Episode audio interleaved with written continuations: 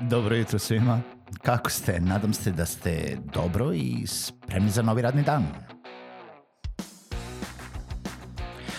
Pozdrav svima i dobrodošli na podcast Male pobede, stari novi podcast koji, well, koji je tu da bi vam kroz pitanje i savete dao motivaciju, pokrenuo vas u pozitivnom smeru i pomogao da ovaj dan počne bolje, jače i možda čak i zabavnije.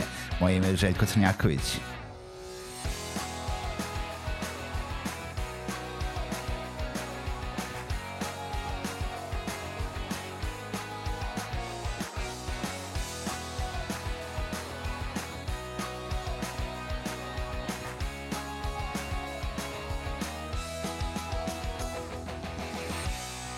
Pozdrav svima, dobro jutro i dobrodošli u novu epizodu podcasta Male pobede.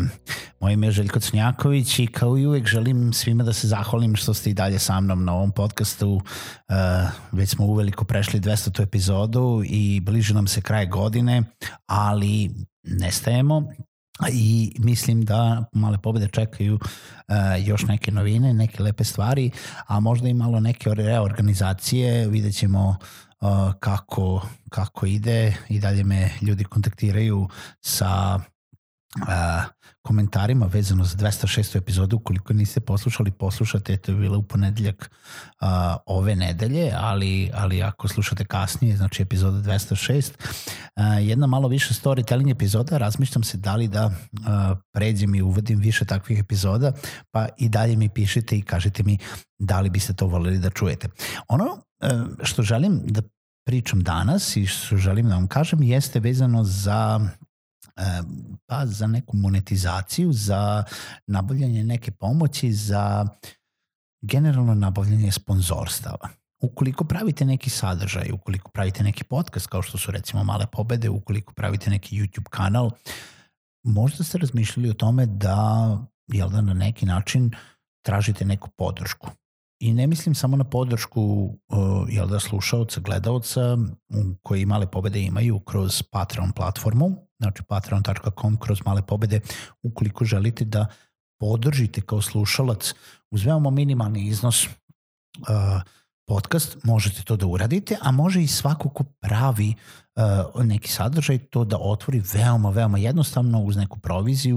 Uh, cela platforma omogućuje u tri klika da vam ljudi na neki način daju taj neki mali subscription fee. E sad možete da pravite i više različitih uh, paketa, pa isto kao recimo, sad ja objašnjavam na svom primjeru, naravno vi ćete to da uradite kako god planirate ili želite, Znači da male pobede imaju više paketa, imaju 5 dolara, 15 dolara, 30 dolara. I sad za 5 dolara to je ono kao samo podrška, za 15 dolara možete aktivno da učestvujete u programu i u smislu da mi pomognete da kreiram epizode, da kažete nešto što vas muči i da na taj način dođemo do toga da kreiramo epizode koje vas baš zanimaju. A za 30 dolara možemo da radimo i neke konsultacije jedan na jedan i da pričamo o preduzetništvu, o stvaranju sadržaja, o videoprodukciji, audioprodukciji i svemu onome što mislite da mogu da vam pomogne. E sad, jedna opcija je taj crowdsourcing, crowdfunding, koji jeste na jedan način Patreon platforma, a druga opcija jesu sponzorstva. I mogu da se pohvalim da Male pobede jeste u pregovorima sa nekoliko sponzora a, i od već u, u skorije vreme možete da čujete to je moći ćete da čujete da e, postoji neka podrška za ovaj podcast. Zašto i da li bi to trebalo da radite? Prvo i prvo, e, super je to što, i mislim, i male pobede ja radim zato što želim da kreiram sadržaj, zato što želim da pomognem ljudima, zato što me generalno loži da pravim o, ovakav vid sadržaja. Ali nikada ne škodi i ka, kao ovaj, neka podrška i kako rastemo, ta podrška je veoma dobrodošla zato da bi mogli da se unapređujemo, zato da bi mogli da uh, kupimo neku novu opremu, zato da bi mogli da dođemo do još više ljudi, da uložimo nešto malo u marketing, zato da bi možda nekoga zaposlili da pomogne oko toga da ovaj sadržaj bude bolji. I to je razlog zašto bi uh, recimo neko trebao da traži ovaj, neko finansiranje ukoliko može. Naravno, ne kažem da to treba da radite u startu na prvoj epizodi, na trećoj epizodi, na petoj epizodi. Evo, Ja nisam to ni pokušao da radim do 200. epizode malih pobjeda samo zato da vidim da li ću prvo ja uspeti da izguram to. Kako i zašto uh, treba da tražite? Niko vam neće prići ili ako se to i desi, to je izuzetno mali, mali, mali procenat nekih firmi ili brendova ili nešto da kaže, e, ja bih hteo da ostvarim sradnju sa tobom. Ja bih hteo da se reklamiram u tvom podcastu. To se ve, skoro nikada ne dešava. Ili ako se to i desilo vama, to je izuzetno mali postotak potencijalnog potencijalne saradnje sa bilo kojim sponzorom. Morate biti svesni da morate da pitate. Morate da e, se ponudite za takvu vrstu saradnje. I sad to ne znači da šaljete 300 e, mailova na dan. To ne znači da smarate ljude ukoliko vam nisu odgovorili ili su vam rekli ne. To znači da napravite plan toga šta vi možete da ponudite njima i koja je to vrsta saradnje koja bi vama najviše odgovarala, a potencijalnom sponzoru može da donese benefit. Vi ne tražite sredstva samo zato da bi vam dali sredstva. Sve i da to jeste tako, ne treba da radite tako. Znači, napravite plan. Šta oni dobijaju? Da li dobijaju uh, promo bit, ono, u smislu shout out ili, ili neku, neki endorsement ili jednostavno prezentaciju od strane hosta, da li dobijaju ubačenu reklamu, da li dobijaju baner, da li dobijaju logo na sajtu, da li dobijaju promo tekst, da li uh, ćete izlepiti ceo vaš sajt sa njihovim brandingom. Mislim, na vama je to da odlučite. Ali morate da osmislite šta oni dobijaju. Za koliko vi to tražite? Ja ću vama da ponudim, ne znam, uh, promo sadržaj na početku, na sredini i na kraju mog podcasta naravno ne ovaj, za svakog sponzora, uh, to je za jednog sponzora u sva tri dela. Ili zavisi opet koliko to košta. I to imam da ponudim. Znači, prvo kažete šta imam da ponudim. Imam da ponudim segmente, imam da ponudim mesto na sajtu, imam da ponudim mesto za logo, imam da ponudim promot, promotivni deo u newsletteru, imam da ponudim, znači imate nešto što možete da ponudite i onda formite neke cene. Znači, to košta srazmerno koliko vi imate impakta, koliko vi imate uticaja. Nekoliko kaže uh, koliko koštaju reklame na TV ili na radiju. Nekoliko kaže šta je prosek youtubera na, na YouTube-u. Može ukoliko imate istu statistiku. Morate da osmislite cene u odnosu na to koliko ste vi pod navodnicima relevantni. Koliko je vaš sadržaj moćan u smislu dopiranja do određene, određenog broja ljudi. Što je vaša u, niša?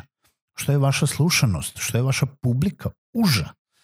To ćete možda čak i pre imati na ovaj šanse da nađete sponzora. I to kažem isto iz iskustva, zato što sam umešao na drugome podcastu, na stranom podcastu Coworking Values, koji je veoma uska niša, veoma uska niša jer se tiče samo coworkinga na evropskom i na globalnom nivou, ali i onda je to daleko uža niša nego preduzetništvo, poslovanje, digitalni marketing ili nešto slično, sad zavisi šta radite, možda radite, e, ne znam, kulturu, možda radite sport, možda radite nešto drugo, nije bitno. A taj podcast ima samo 10 epizoda i upravo potpisuje uh, uh, ugovore sa dva sponzora nisu nešto veliko ugovori, nećemo da živimo od toga, ali su dovoljni za pokrivanje troškova rada samog podcasta, za malo marketinga i za, eto, nešto da kažeš, ipak ne radim ovo za nula, nego radim za 10 dinara. Male pobede isto tako. Oni su samo na srpskom jeziku. One imaju samo nišu srpsko ili govorno područje koje razume srpski. To nije ne znam nija koliko. Da ne pričamo o tome koliko ljudi kod nas sluša podcaste. Sa druge strane, ima tu neki drugih prednosti. Koliko su umešani ljudi koji slušaju podcaste, koliko su aktivni, koliko uh, žele da, uh, jel da, interaktuju sa vašim sadržajem. Naspram onog pasivnog slušanja ili gledanja ili banera na YouTube-u. Neću da ulazim uopšte u to jel da šta je podcast, šta je YouTube kanal, nego kako to da tražite od sponzora. Znači, uzmete, budite iskreni, budite iskreni sa svojim statistikom, nemojte da lažirate, nemojte da kažete doći ću do 5000 ljudi ako imate 200 ljudi. Nemojte da kažete da ćete imati ne znam kakvu slušanost ili gledanost ukoliko je nemate. Veoma brzo će da propadne ta saradnja. Napravite analitiku, jel da sebi neke izveštaje, neke vaše bitne stavke koje koliko vas ljudi sluša, koliko vas ljudi gleda, uh, koliko ste do sada imali epizoda, koliko često izlazite. Kad pričamo o podcastu, može da se primeni na YouTube i na, i na blog i na bilo šta. Ko vas sluša? Šta, o čemu pričate, kako se vaš sadržaj poklapa sa vaš sa brendom potencijalnog sponzora. Nemojte da primate da radite nešto što je totalno van vaše niše. Nemojte da se prodajete ne znam, ne, nečemu u šta ne verujete ili što ne želite da podržite. Ali isto tako podsjećam na ono što sam rekao u startu. Morate da pitate. Morate da aktivno tražite sponzore zato da bi možda ostvarili neku saradnju, morate da budete realni, morate da budete iskreni i morate da imate oformljene ideje saradnje kako ćete izaći ispred sponzora. To nije na sponzoru da odredi, može posle da modifikuje, može da, možete da uđete u priču oko toga šta njima odgovara, šta vama odgovara, ali inicijalno vi morate da budete oni koji će stati na crtu i kucati na 10 vrata, na 100 vrata, na 1000 vrata i tražiti i ponuditi opciju saradnje. To ne boli. Ali isto tako trebate biti i svesni da ko kaže ne, hvala, nisam zainteresovan, ne treba da ga smarate i ne treba da mu puštate ne znam kakve aktivne reklame da, da ga smaraju 10 puta dnevno. Biće kontraefekat. Čujemo se u nekoj narednoj epizodi podcasta Male pobede.